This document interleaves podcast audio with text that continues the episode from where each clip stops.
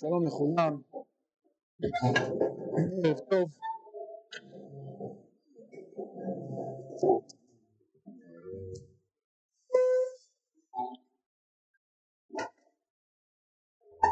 בשיעורים האחרונים עסקנו בהיבט מרכזי בספר ירמיהו, וזה הנושא של האמת והשקר כערכים, כמאפיינים את התרבות שבה חי ירמיהו. ובשיעור הקודם דיברנו על ההיבט של הנבואה של האמת והשקר בהקשר של הנבואה, נבואת האמת מול נבואת השקר, והתמודדות של ירמיהו עם נבואות השקר כתופעה תרבותית, כתופעה דתית, כתופעה רוחנית ובעייתית. ראינו שירמיהו מציב קריטריונים לבחינת נבואות האמת, נבואות השקר, אבל למרות הקריטריונים הללו ראינו שגם הקריטריונים הללו לא חד משמעיים, כן, חלקם חיצוניים, חלקם הם רק לנביא עצמו, אבל כפי שנראה ההבחנה בין נבואת אמת לנבואת שקר היא מורכבת יותר, היא קשה יותר ואפילו לירמיהו עצמו. והיום אני רוצה לבחון אולי את נקודת השיא של העימות בין ירמיהו לבין נביאי השקר שמופיע בפרק כ"ח. ובמרכז הפרק הזה יש לנו עימות חזיתי בין שני נביאים, בין ירמיהו מצד אחד ובין נביא שקר או נביא בינתיים בשם חנניה בן עזור. וכפי שנראה המאבק הזה הוא מאבק חריף, כלומר מצד אחד ירמיהו רואה בו נביא שקר, מצד שני הוא מבטל באופן חריף ותקיף את נבואות ירמיהו, כלומר זה מאבק מה שנקרא משחק סכום אפס, כן? אין כאן איזשהו פתרון ביניים. אה, והמאבק הזה מחדד לנו באמת את המורכבות שיש בהגדרה של נבואת אמת ונבואת שקר, גם כפי שאמרתי בעיני ירמיהו עצמו. אני רוצה להעמיק קצת בפרק הזה לאור הדברים שראינו. Uh, כפי שנראה עוד מעט, הפרק הזה הוא באמת המשך מכל מיני בחינות של הפרק הקודם uh, שלא למדנו, אני רק אעיר עליו כמה מילים, פרק כ"ז, נתכונן ממש בקצרה לפרק כ"ז, פרק כ"ז מתאר לנו את uh, המיצג של ירמיהו, פרק כ"ז פסוק ב', כה אמר השם אליי, עשה לך מוסרות ומוטות מנדתם על צוואריך, כן, אם לא מצטווה, שים על הצוואר עול, ושילחתם אל מלך אדום ואל מלך מואב ואל מלך בני עמוד ואל מלך צור וכולי, וציוותה אותם אל אדוניהם, לאמור כה אמר השם צבאות אלוהי ישראל כתבנו אל אדוניכם, אנוכי עשיתי את הארץ ואת האדם, את האדם ואת הבהמה אשר על פני הארץ, בכוחי הגדול וזרועי הנטויה, ונתתי עליה אשר ישר בעיניי, ועתה אנוכי נתתי את כל הארצות האלה ביד נבוכדנצר מלך בבל עבדי, וגם את חיית השדה נתתי לו לעובדו, ואני מדלג בפסוק ח' והיה הגוי והממלכה אשר לא יעבדו אותו את נבוכדנצר מלך בבל ואשר לא ייתן את צווארו בעול מלך בבל בחרב וברעה ובדבר אפקוד על הגוי ההוא נאום אדוני עד תביא אותם בידו ואתם אל תשמעו אל נביאיכם ואל קוסמיכם ואל חלומותיכם ואל עונניכם ואל כשפיכם אשר הם אומרים לכם לאמור לא תעבדו את מלך בבל כי שקר יגידו לכם וכו'. טוב. יש לנו עוד אה, התייחסות לנביאים נעזוב את זה כרגע. אז אם כן בפרק כ"ז יש לנו נבואה ישירה של ירמיהו לא רק לצדקיהו אלא כל המלכים שכנראה ביחד איתו רצו אה, להקים חזית של מרד במלך בבל בנבוכדנצר. עכשיו כבר אפשר לחלק כבר? כן, רק אחד. תודה רבה. ו... וירמיהו מצטווה לעשות איזה פעולה, איזה אקט סמלי שיבטא את ההתנגדות הנבואית למרד הזה. מהו האקט הסמלי? עול ויש כאן אמירה עמוקה. אה, נבוכדנצר הוא עבדי, אני נתתי לו עכשיו זכות, רשות למשול בארץ, ולכן מי שלא יביא את צווארו באורן מלך בבל בעצם נלחם לא רק במלך בבל אלא גם בגזירה, ולכן הוא לא יצליח. טוב, עד כאן פרק כ"ז, ולא ניכנס כרגע לכל פרטיו, אני רק רוצה להדגיש את הפרק הזה כרקע לפרק כ"ח. ועכשיו פרק כ"ח פסוק א' ויהי בשנה ההיא בראשית ממלכת צדקיה מלך יהודה. בשנה הרביעית בחודש החמישי אמר אלי חנניה בן עזור הנביא אשר מגבעון בבית אדוני לעיני הכהנים וכל העם לאמור כה אמר אדוני צבאות אלוהי ישראל לאמור שברתי את עול מלך בבל. בעוד שנתיים ימים אני משיב אל המקום הזה את כל כלי בית אדוני אשר לקח נבוכדנצר מלך בבל מן המקום הזה ויביאם בבל. ואת יחוניה בן יהויקים מלך יהודה וכל גלות יהודה הבאים בבלה אני משיב אל המקום הזה נאום אדוני שמור את עול מלך בבל. ויאמר ירמיה הנביא אל חנניה הנביא לעיני הכהנים ולעיני כל העם העומדים בבית אדוני ויאמר ירמיה הנביא אמן כן יעשה אדוני יקם אדוני דבריך אשר ניבאת להשיב כלי בית אדוני וכל הגולה מבבל אל המקום הזה. אך שמע נא הדבר הזה אשר אנוכי דובר באוזניך ובאוזני כל העם. הנביאים אשר היו לפניי ולפניך מן העולם וינבאו אל ארצות רבות ועל ממלכות גדולות למלחמה, למלחמה ולרעה ולבבל. הנביא אשר ינבא לשלום בבוא דבר הנביא יוודע הנביא אשר שלחו אדוני באמת. ויקח חנניה הנביא את המותה מעל צוואר ירמיה הנביא וישברהו. ויאמר חנניה לעיני כל העם לאמור כה אמר אדוני ככה אשבור את עול נבוכדנצר מלך בבל בעוד שנתיים ימים מעל צוואר כל הגויים. וילך ירמיה הנביא לדרכו. וידבר אדוני לירמיה אחרי שבור חנניה הנביא את המותה מעל צוואר ירמיה הנביא לאמור. הלוך ואמרת לחנניה לאמור כה אמר אדוני מוטות עץ שברת ועשית תחתיהן מוטות ברזל. וכה אמר אדוני צבאות אלוהי ישראל אל ברזל נתתי על צוואר כל הגויים האלה לעבוד את נבוכדנצר מלך בבל ועבדו וגם את חיית השדה נתתי לו. ואומר ירמיה הנביא אל חנניה הנביא שמע נא חנניה לא אשלחך אדוני ואתה הבטחת את העם הזה על שקר ולכן אמר אדוני הנני משלחך מעל פני האדמה השנה אתה מת כי שרה דיברת אל אדוני וימות חנניה הנביא בשנה ההיא בחודש השביעי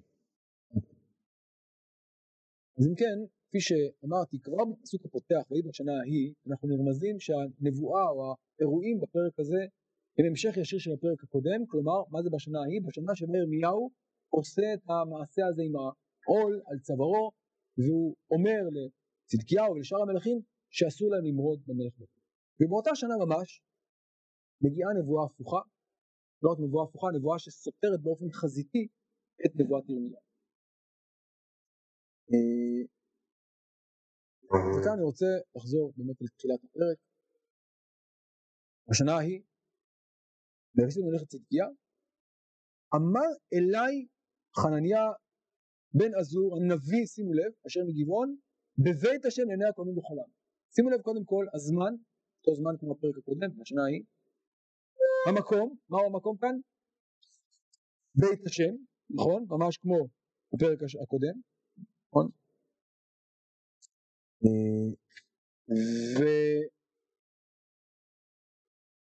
והנוכחים כאן באירוע הזה ירמיהו, חנניה, העם והכהנים.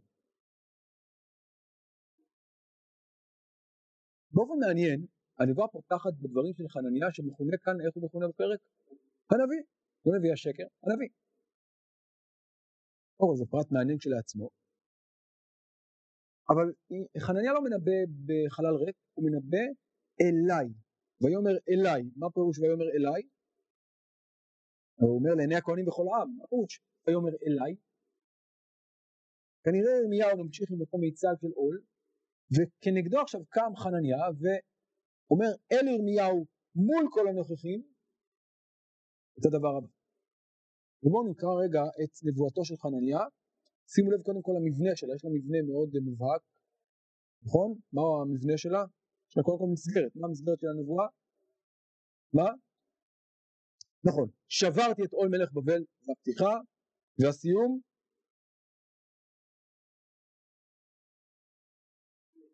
כי אשבור את עול מלך בבל, אגב, טוב, עוד מעט תהפכו את הדף, נראה את זה עוד מעט, אפשר את זה שם.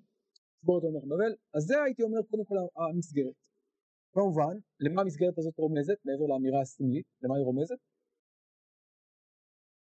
לעול של ירמיהו, כלומר, אתה ירמיהו מנבא על עול מלך בבל? אולי, אבל העול הזה מוגבל מאוד, הוא מוגבל לשנתיים בלבד, ומעוד שנתיים ישבור את עול מלך בבל. אז זה קודם כל המסגרת שמכוונת ישירות נגד נבואת ירמיהו. אבל מה נמצא בלב הנבואה של חנניה? מהו הנושא המרכזי, מהו המוטיב המרכזי בה?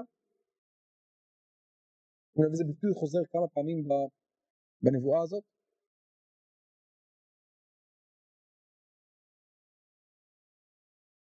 המקום הזה. שברתי את עול מלך בבל, בעוד שנתיים אני מקשיב המקום הזה את כל פעילות השם. אשר שלקח נבוכדנצר מן המקום הזה, ואת יחוניה אני משיב אל המקום הזה. המקום הזה המקום הזה, מה זה המקום הזה? מה המקום הזה?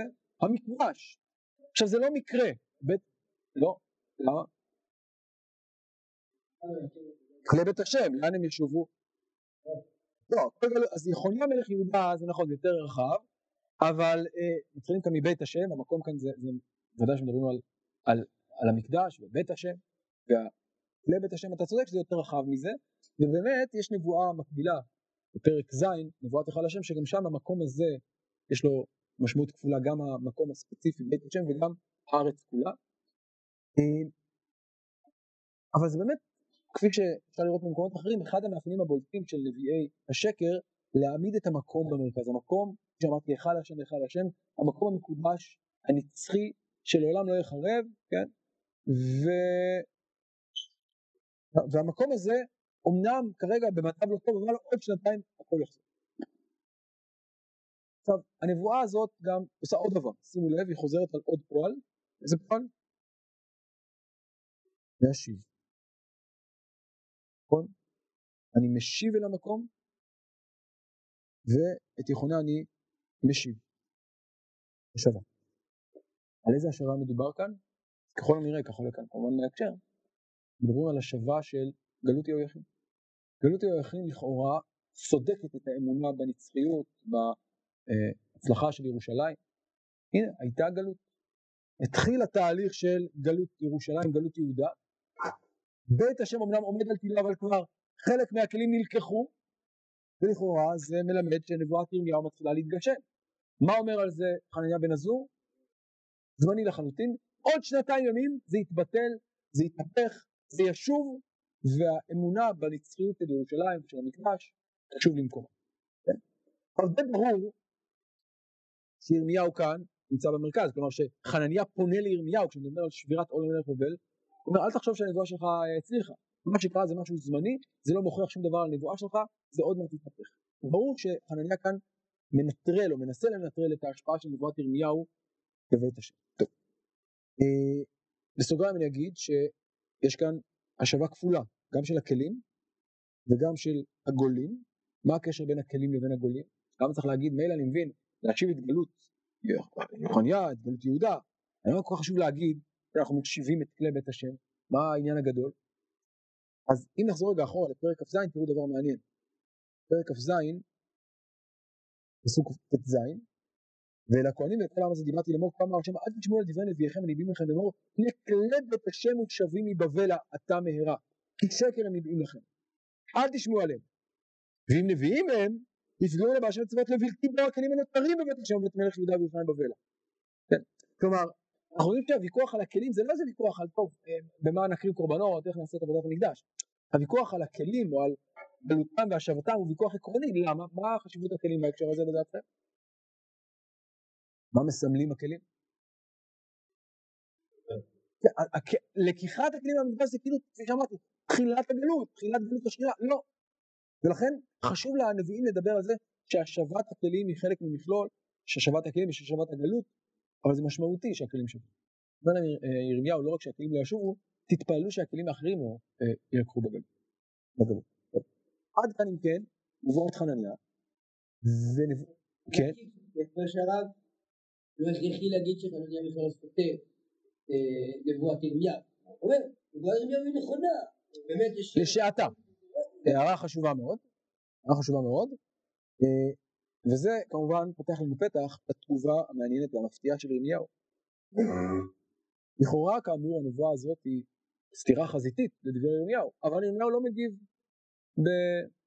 במתקפה, להפך, איך הוא מגיב? וירמיה הנביא, חנניה הנביא לעיני כהנים. בכל העם, כן? ויאמר ירמיה הנביא, שימו לב, אל חנניה הנביא, כן, ממש סוקלים אותם זה מול זה, ירמיה הנביא, חנניה הנביא, ויאמר ירמיה הנביא, אמן, כן יעשה השם, יקם השם לדבר מה שניבאת להשיב פלא את השם וכל הגולם מבבל אל המקום הזה. עכשיו, בניגוד למה שהייתי מצפה שהוא יכחיש ויגיד לו אתה מדבר שטויות, הנבואה הזאת היא נבואת שקר, כמו שאמר בפרק הקודם. תפציר בהשם, תפגיע בהשם, שלא ייקחו את שאר הכלים, כי הכלים האלו בוודאי לא ישבו. הוא לא אומר את זה, לא שהוא לא אומר את זה, מה הוא אומר? אמן, כן יעשה, הלוואי. עכשיו, כמובן אפשר לקרוא את זה. איזו אמירה כזאת, כן, סרקזם, כן כן, אמן, כן יעשה השם, ודאי. זו אפשרות. אבל אני לא בטוח שזו הקריאה הנכונה. אמ, ו... ואני חושב שירמיהו באמת מתלבט. כשהוא אומר אמן כן יעשה השם, הוא לא אומר רק זה שטויות, סתם אומר, אתה בטח בטח, אלא אומר הלוואי שזה יהיה נכון, אבל מוסיף, מוסיף הערת אזהרה, אך. כלומר, הלוואי שאתה צודק אבל יש בעיה אחת. הבעיה הזאת לא אומרת שאתה לא צודק, אבל היא אומרת שיש סכנה גדולה בטענה שלך. מהי הטענה של ירמיהו? אומר דבר מאוד מעניין. קודם כל, אני רוצה להגיד לך אמירה עקרונית על הנבואות, על הבחנה בנבואות אמת לשקר. הוא אומר, הנביאים אשר לפניו ולפניך מן העולם, כלומר הנביאים הקדומים, על מה הם ניבאו? למלחמה, ולרעה, ולדוון. הנביא אשר ינבא לשלום, בבוא דבר הנביא יוודע הנביא אשר שלחו אדוני באמת. מהי ההבחנה שעושה כאן ירמיהו? אתם מבינים את ההבחנה הזאת?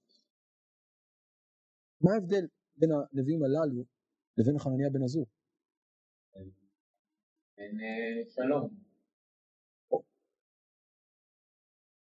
יש שני סוגים של נבואה, נבואת כהנת, נבואת עולם. עכשיו, ברור שירמיהו כאן אה, מחזיר אותנו לפרשת הנביא, שדיברנו בקשירות שעבר, פרשת הנביא בדברים, פרק י"ח, ובואו נשווה רגע את הפסוקים שם לפסוקים כאן. דיברנו בשיעור שעבר על הקושי בנבואה הזאת, אבל בואו נשווה אותו רגע, או בפרשייה הזאת, בואו נשווה אותו רגע לנבואה שלנו. פרק י"ח, פסוק קא וכי תאמר בלבביך, היכן נדע את הדבר אשר לא דיברו אדוני?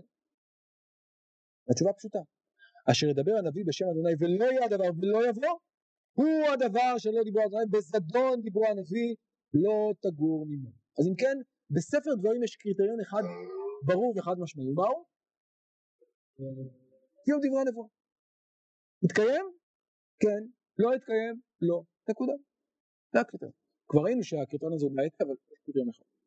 עכשיו מה היחס בין זה לבין הדברים של ירמיהו? אז בואו תסתכלו רגע בדף, כבר ספרי אה, קושר את הפרקים הללו, את הפסוקים הללו, כך הוא אומר, ספרי דברים, וכי תאמר עתידים את הנאמר, כלומר זה לא רק אמירה היפותטית אולי, אלא זה באמת קורה. היכן נדע את הדבר? ירמיהו אומר הנה כלי בית השם הולכים בבלה. חנניה אומר הנה כלי בית השם מושבים מבבל. איני יודע למי ישמע. זה ממש, נציג את זה כדילמה, זה בדיוק הדילמה של ספר דברים. הנה היא מתממשת לנגד עינינו. נביא אחד אומר מושבים, נביא שני אומר הולכים, למי להקשיב? למי ישמע?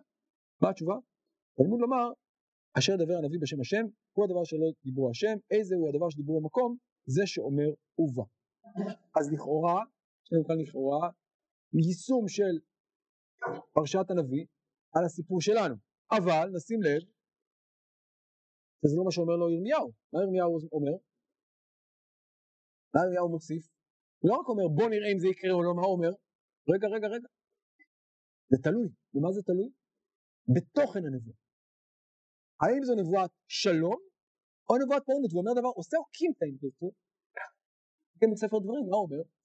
מה שאמרנו בבוא דבר הנביא יוודע, כן, כמו שראינו, אשר ידבר הנביא ולא יהיה הדבר ולא יבוא בבוא דבר הנביא יוודע הנביא אשר שלחו עכשיו באמת זה רלוונטי, למה? לנבואה מסוג אחד, נבואת שלום. אבל זה לא רלוונטי לנבואת כהנות. יש כאן אוקימתא, מעניינת, נכון? ברור שהוא רומז כאן לפסוקים בספר דברים, אבל הוא עורך כאן צמצום אוקימתא שאומר זה רק בנבואת שלום, לא בנבואת כהנות. עכשיו, מה הבסיס לטענה הזאת של ירמיהו? איפה זה כתוב? מה ההיגיון בזה? הוא לא אומר. מה? הוא לא אומר את זה. אה, הגמרא, תראו כאן בירושלמי, אני מדלג בפסקה החמישית, אמר לו ירמיהו, אתה אומר בעוד שנתיים למי אני משיב, ואני אומר שנבוכדנצר בא ונופל את השער בבל. כן, בבל עזוב ושם יהיו. אמר לו תן סימן לדבריך. אמר לו אני מתנבא לרעה, ואיני יכול לתת סימן לדבריי. שהקדוש ברוך הוא אומר להביא רעה ומתנחם, ואתה מתנבא לטובה.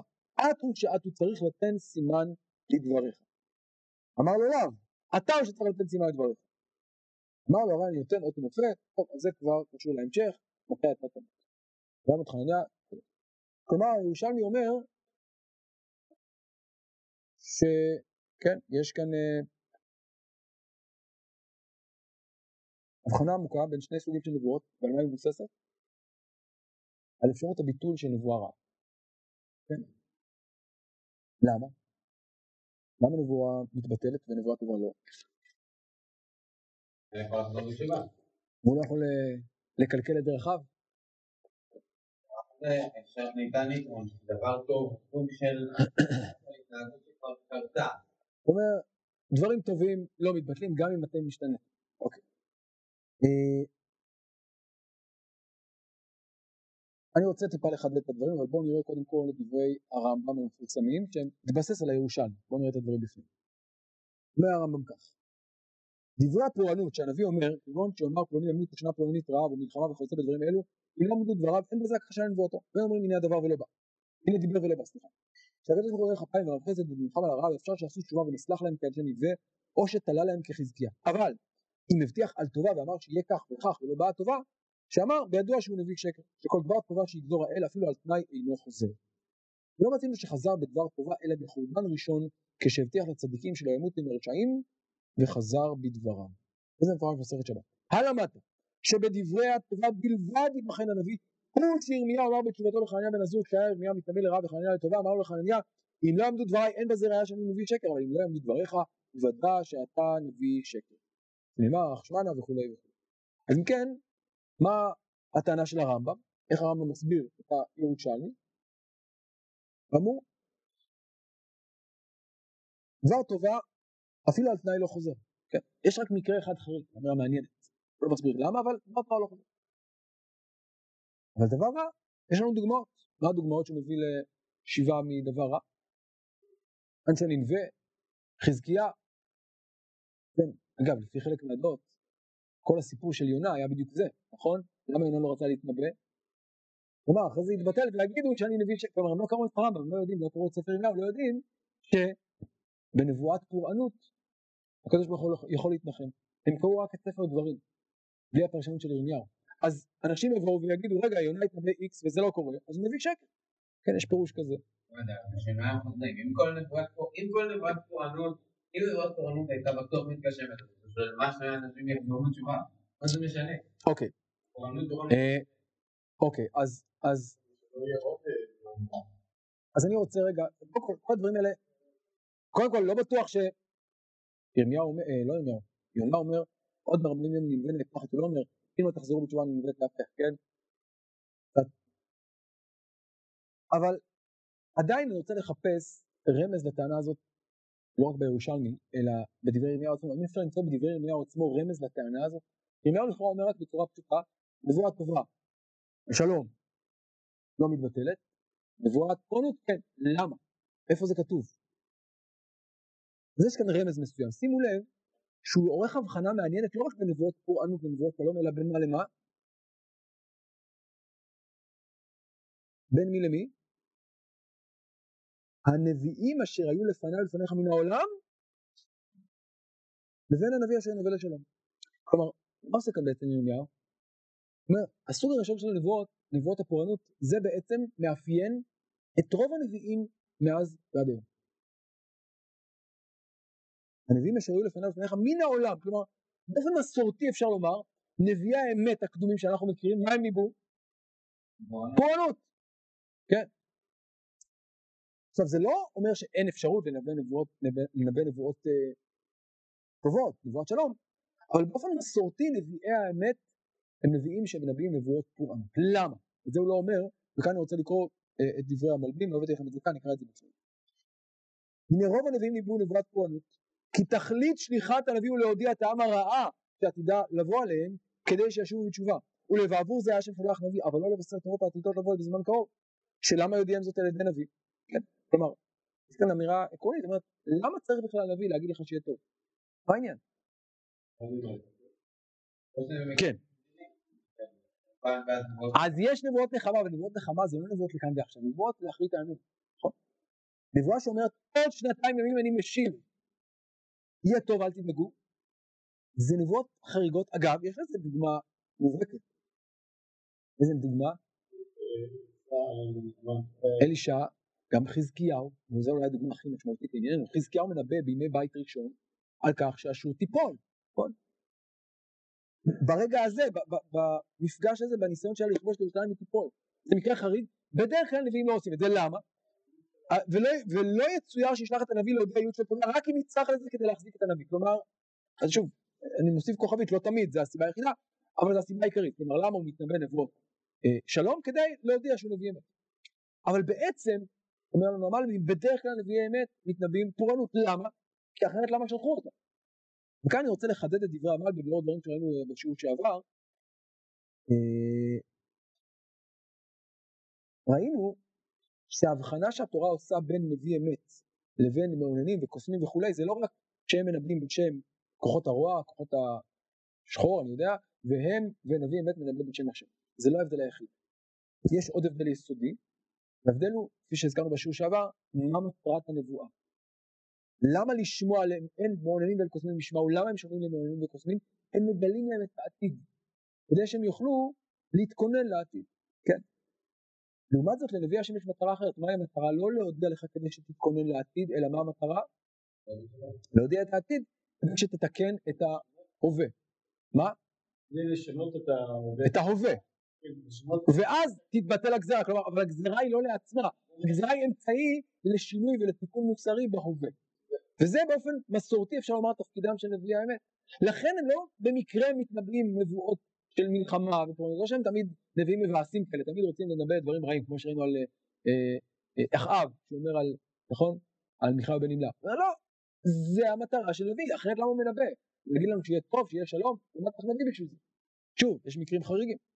ואני חוזר שנייה, אני רק אשלים, ראינו בשיעור שעבר גם, שאחת ההבחנות בין נביאי אמת לנביאי שקר זה השאלה, כן, אחת ההבחנות שירמיהו מעלה בפרק כ"ג, זה השאלה, מהי התוצאה של הנבואה, נכון? הוא אומר, אתם מחזיקים את ידם מרעים, אתם מחזיקים אנשים רשעים, נותנים להם ביטחון בדרך שלהם.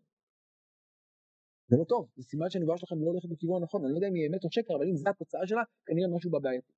וזה קשור למה שאמרנו כרגע, שנבואת אמת בדרך כלל נועדה לטלטל את האדם, כן, להגיד לו, אתה לא במצב טוב, תעשה איזשהו שינוי, כי עוד מעט מגיעה פורענות. לעומת זאת, אם יגיד לבן אדם הכל טוב, תישאר כמו שאתה, כן, אז אתה מחזק ידי מרין, אתה לא גורם לאדם לשנות את דרכיו לטוב. ולכן, אני אראה איזה מה שעומד כאן ברקע הדברים. על כל פנים, בין כך ובין כך, אה, ירמיהו מאפיין את נבואות השקר כנבואות שהן בדרך כלל מרגיעות ומשקיטות, ובהקשר הזה אפשר לומר, לא תמיד זה נבואת שקר. שוב, אפשר להגיד נבואת אה, אמת, שהיא נבואת שלום, יש דברים כאלה. אבל הייתי אומר שבאופן מסורתי זה לא כך, ויש סיכון הרבה יותר גבוה שזאת נבואת שקר. כן? במילים אחרות אם אני חוזר לענייננו, ירמיהו לא אומר לחנניה אתה בוודאי דובר שקר. אומר אולי אתה דובר אמת. אבל תדע לך שהסיכוי שאתה דובר אמת כשאתה מתאמן נבואה כזאת הוא נמוך יותר והייתי אומר שאפשר לבדוק בצורה יותר פשוטה אם אתה דובר אמת או לא. הלאה. מה אומר חנניה? מה התגובה של חנניה? ויקח חנניה הנביא את המותה מעל צוואר ירמיה הנביא וישברהו. ויאמר חנניה לעיני כל העם לאמור כה אמר אדוני ככה אשבור את עול נבוכדנצר מלך בבל בעוד שנתיים ימים מעל צוואר כל הגויים האלה, סליחה מעל צוואר כל הגויים ואיך ירמיהו הנביא לדרכו. אם כן חנניה לא מתרשם מדברי ירמיהו והפעם הוא לא מגיב במילים אלא במעשים כנגד המעשה של ירמיהו, נתינת העול, לא רק מנבא ואומר אני אשבור את העול, אלא הוא ממחיש את האמירה הנבואית שלו בפעולה נבואית, כביכול, כן? לא רק אומר שברתי את העול מלך בבל, הוא לוקח את העול של ירמיהו ושובר בזה, מה הוא בעצם רוצה לומר? מה המשמעות של המעשה הזה? אם, ה, אם העול שלך סימל את הנבואה שלך, אז אני עכשיו שובר את העול, כלומר אני גם מבטל את הנבואה שלך, אני בעצם אה, גובר על האות וגם אה, על הנבואה באמצעות המעשה הזה. והוא מוסיף אגב שזה לא רק מעל צוואר ישראל יהודה אלא גם מעל צוואר כל אבות. טוב. עכשיו מגיעה הפתעה. מה היינו מצפים שיקרה כאן? משהו, כן? איך זה מסתיים? וילך ירמיה הנביא לדרכו. להגיד משהו, להגיב, כלום. כל אחד דרכו. בשתיקה. עכשיו, אני רוצה רגע לחדד את ה- משהו להגיד. אתה שקרן, לא יודע, מה, מה אתה עושה? להגיד משהו. עכשיו, תזכרו, אנחנו כאן בדיבייט פומבי, מי נמצא כאן מולם? כל, וכולם רואים את התגובה הזאת, כלומר, המעשה, האקט המאוד סמלי וחריף הזה של חניה, זה מה שנחקק לעיני כל הרואים שם, לעיני כל הניצבים באירוע הזה. עכשיו טיפה, בואו נחדד רגע את, המעשה הזה לאור סיפור דומה שהזכרנו בשיעור שעבר במלכים א' פרק כ"ב, זה הסיפור על אה, מיכאל בן נמלה, וגם שם יש לנו נביא שקר. בואו נדלג רגע לפרק כ"ב. נאמר שם כך.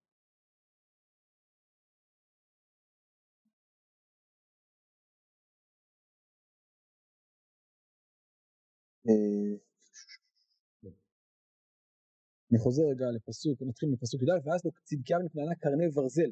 שימו לב, גם כאן יש לנו איזה אקט סמלי. כה באלה תנגח ארם עד תלתה. כאילו פעם הראשון באלה תנגח, כלומר זה סמל לנבואה. פסוק כ"ד, אחרי שמיכאי מנבא את נבואתו, ויגש צדקיהו בן כנענה, ויכה את מיכאי על הלחי, ויאמר איזה עבר רוח אדוני מאיתי לדבר אותך. מה בעצם אומר צדקיה? אני דובר אמת, אני, יש לי רוח השם, מי אתה שתגיד כאלה דברים? מכה אותו על הלחי כמובן, שוב כאקט של ביזיון, של ביטול של דבריו, ובזהו, שוב, מול הקהל, יש כאן קהל גדול שרואה, זהו כאילו מנצח אותו בפעולה הזאת, גורע מהאמינות שלו. אז אפשר לומר שגם בזה, מה? אתה יכול לציין ככה ויכוח? יש כאן אירוע פומבי, אתה שותק, אין לך מה להגיד, אז זהו. אני לא.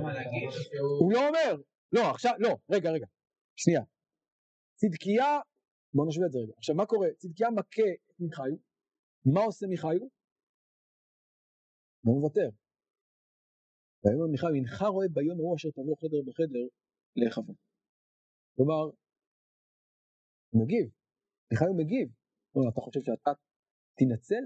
הגזירה הזאת תיפול גם עליך, גם אתה תחווה. אבל מה עושה אצלנו ירמיהו? הוא לא אומר לו, שקרן, גם אתה תיענש, הוא פשוט הולך הביתה. מה? כן, אבל, אבל היה כאן אקט, כן, מול הנבואה הוא הגיב, מול שבירת העול צריך לעשות משהו, תגיד משהו. תגיד, טוב, אני כבר אמרתי את שלי, אין לי מה להוסיף. זה ששברת, תשבור עוד דברים, זה לא מעניין אותי. יכול להיות. עברו שנתיים.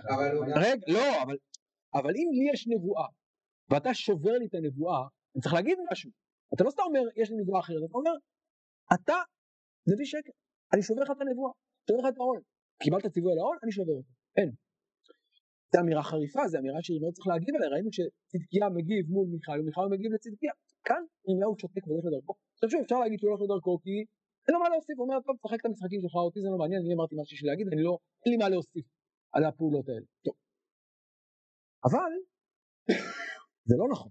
איך אני יודע שזה לא נכון? איך אני יודע שהשתיקה של ירמיהו לא מבטאת התנגדות לדברי אה, אה, אה, אה, חניה בן עזור אלא אולי הסכמה? אמר אמן. זה מה שאמר קודם. בוא נמשיך לחלק השני. וידבר עדיין ירמיה אחרי שבו חניה הנביא אז אמרת מעל צבא ירמיה הנביא לאמור הלוך ואמרת לך חניה לאמור כה אמר אדוני מוטות עץ שברת ועשית תחתיהן מוטות ברזל. כן? כלומר, מה אומר לו הקדוש ברוך הוא? עכשיו תעשה עכשיו פעולה נגדית. הוא שבר מוטות עץ, תעשה מוטות ברזל. יותר מזה, כה אמר השם צבאות, כל ברזל נתתי על צבא, זה עול שאי אפשר לשבור אותו. אז ירמיהו בא ואומר לו, כן, אז קודם כל צריך לחזק את הנבואה שלך מול הניסיון לשבור אותה. כלומר, לא מתייחסים בזלזול למעשה הזה, מעשה שיש לו משמעות. והתגובה זה חיזוק הנבואה. לא, אתה חושב שאתה תשבור את הנבואה בפעולה שלך? אני לא רק, אני לא אכנע לשבירה הזאת, אני אחזק את הנבואה שלי. לא זו בלבד, חנניה הוצג גם כנביא שקר.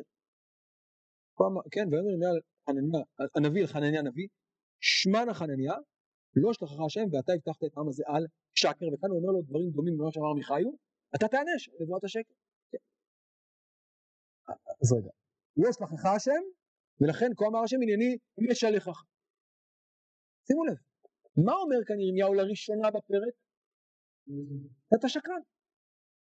שלחך, או אתה הבטחת את העם הזה, אל שקר, לא שלחך השם. מה? הוא לא אמר את זה בפעם הראשונה. זאת השאלה, אם הוא יודע, אז הוא לא אומר? יש כאן משהו מאוד מוזר. אלוקים אומר לו, אתה אומר, הוא לא ידע עד עכשיו, הוא לא ידע עד עכשיו. כן. אוקיי, ו... אוקיי, אז כדי להבין קצת יותר לעומק את מה שקורה כאן, אני רוצה רגע שנהפוך רגע את הדף, נראה את המבנה של הפרק. ולפרק הזה יש מבנה חייסטי ברור, אני רוצה שנתבונן בו. כן, אז נתחיל רגע ב... אה, יש כאן שני חלקים. אה, אז בואו נתבונן רגע ביחס בין שני החלקים, נתבונן רגע במסגרת. ויהי בשנה ההיא בראשית ממלכת צדקיה, אמר אלייך חנניה בן עזור, ומה היה החתימה? ויאמר חנניה הנביא בשנה ההיא בחודש השביעי, כן? הוא ניבא בשנה ההיא בחודש החמישי, הוא מת בשנה ההיא בחודש השביעי. אז זה מסגרת אחת. ניכנס פנימה, מול דברי חנניה, נכון? הנבואה של חנניה, מה אומר ירמיהו? בחלק השני,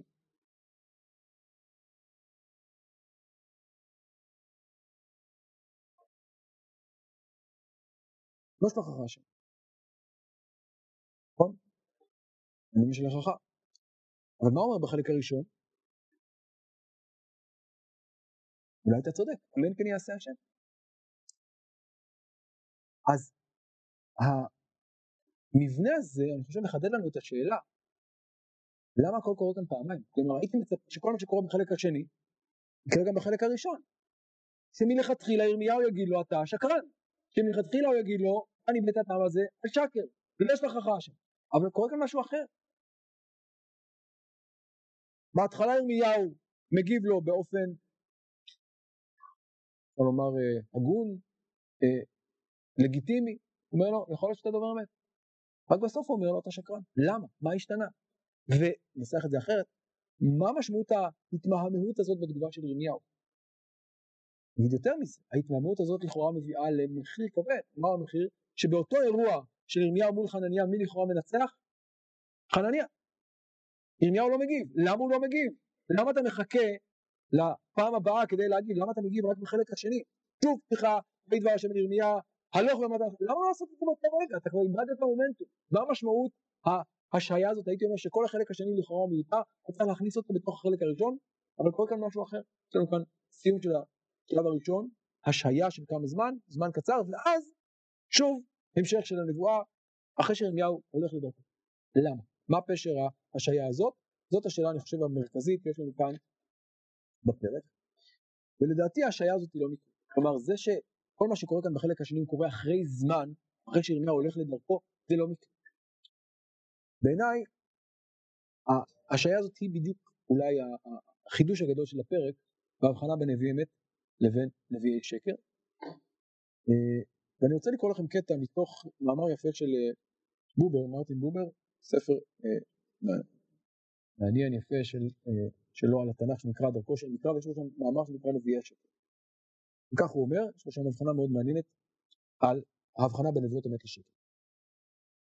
לאחר שלקח חנניה כמותה מעל צבא ירמיהו ושברה, ואמר לעם שכך ישבור עליהם בעוד שנתיים את עול נבוכדנצר, הולך ירמיהו דומם לדרכו. רק אחרי כן, כששולח אותו אלוהים אל חנניה, הוא הולך עליה ואומר מה שעליו לומר. כל פעם שאני מגיע לפסוק הזה אני מזדעזע מחדש ולומד מחדש. ירמיהו בן הנביאים האיש היודע את עצמו כנבחר מרחב לתפקידו.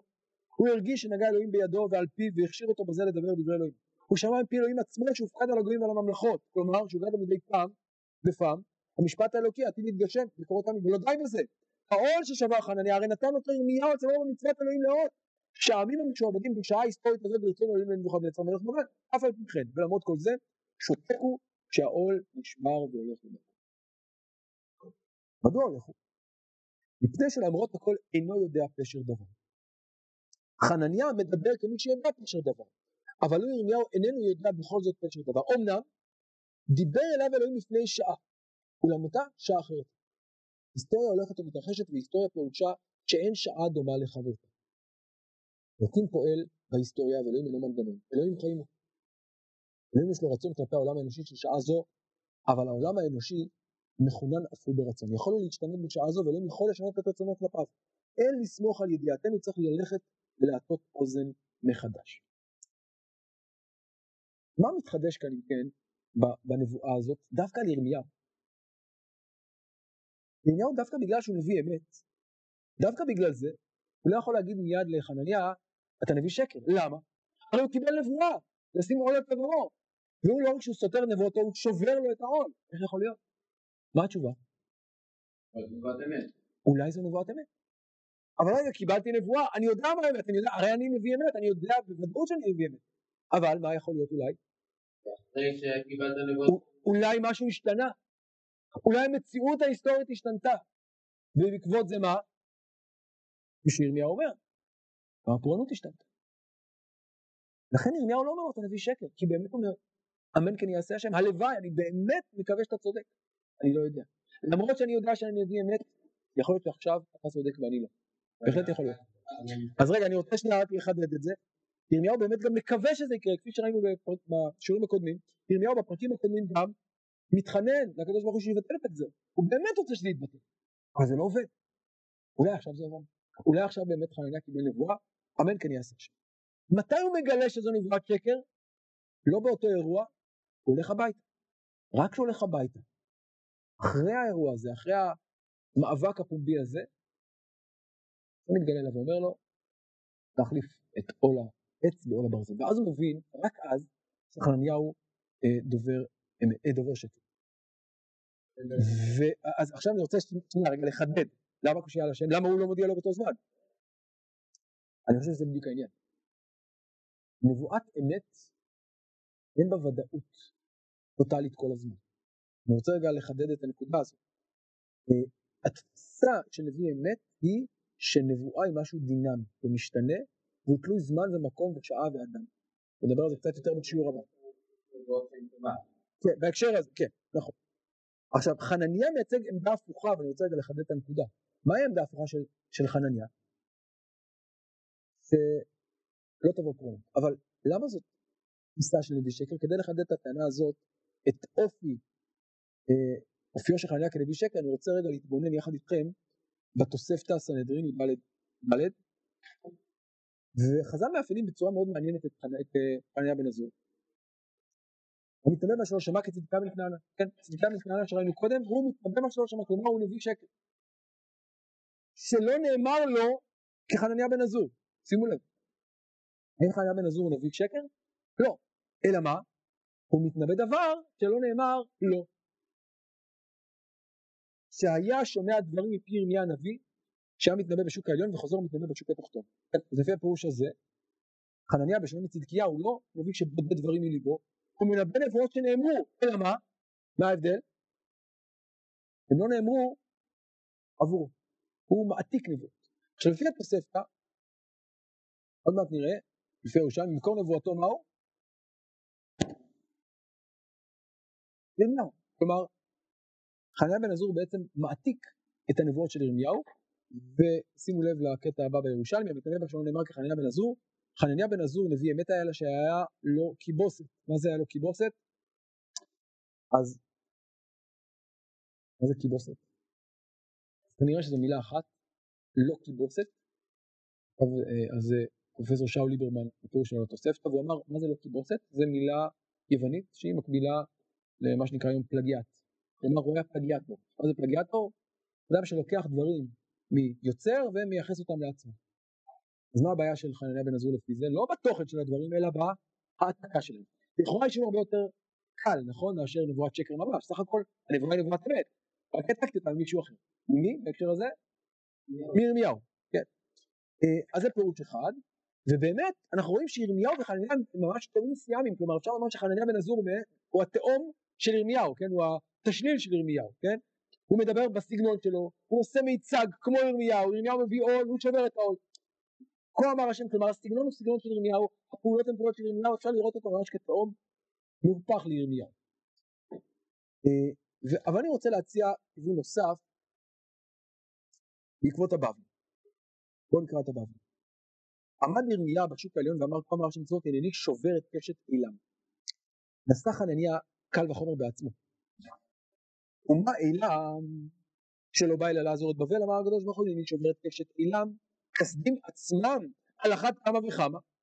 באו בשוק התחתון אמר כה אמר השם שברתי את המלך בבל. שימו לב. לפי הבבלי מהו בדיוק החטא של אה, אה, חנניה? לא רק העתקה של הנבואה אלא מה? מה? היסק. אומר, אם לא אמר כך וזו נבואת אמת, אז מה אני מסיק מהנבואה הזאת? אם שברתי את עול, את קשת אילם, קל וחומר שאני אשבור את עול מלך בבל, כן? כלומר החטא לא בהעתקה, אלא בהסקת מסקנות מוטעות מנבואת. וכאן אני רוצה להציע, וכבר הציעו את זה, שהפלגיאט של חנניה הוא לא רק מירמיהו, אלא אולי מנביא קדום הרבה יותר. בואו נפתח את ישעיהו פרק י'.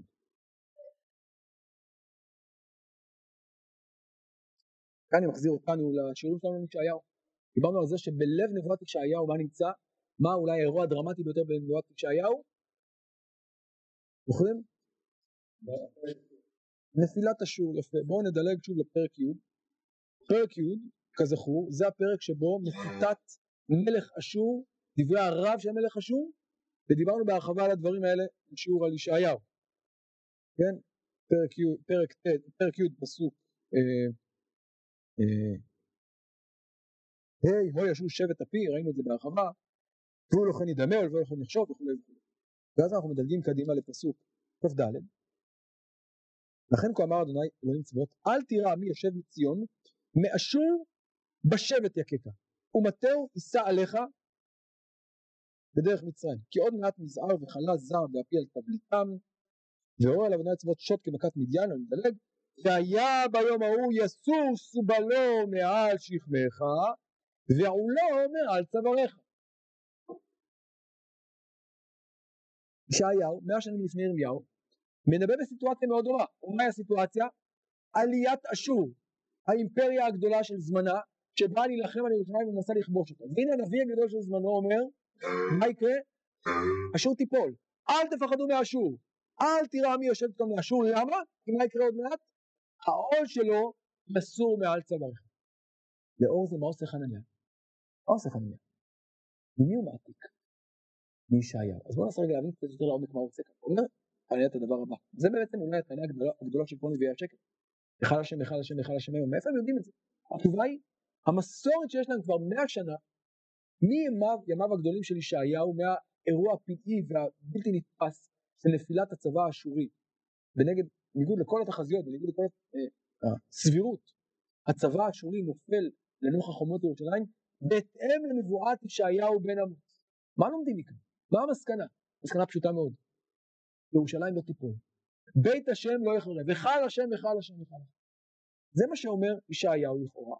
וכך מבינים את זה דורות על גבי דורות אחריו, עד ימי ירמיהו. הפעם יש לנו סיטואציה היסטורית שונה, אבל היא די דומה. שוב, אימפריה גדולה, בבל, שכבשה את השוק, שהשתלטה על השוק, שוב היא רוצה לשלוט ביהודה, שוב היא באה לכבוש את ירושלים, ושוב מה יקרה לה? היא תיפול. כמו ששברנו את עול מלך אשור, כך יישבר עול, או יישבר עול מלך בבל. במובן הזה אפשר לומר שחנניה הוא ממשיך את המסורת הנבואית של ישעיהו. זו הפלגיאט שלו, זה השקר שלו, זה הפלגיאט שלו. ולאור זה אפשר לומר שמה הבעיה העמוקה, מה ההבדל העמוק בין נביא אמת לנביא שקר? נביא אמת מבין באופן פרדוקטלי שנבואה יכולה להשתנות.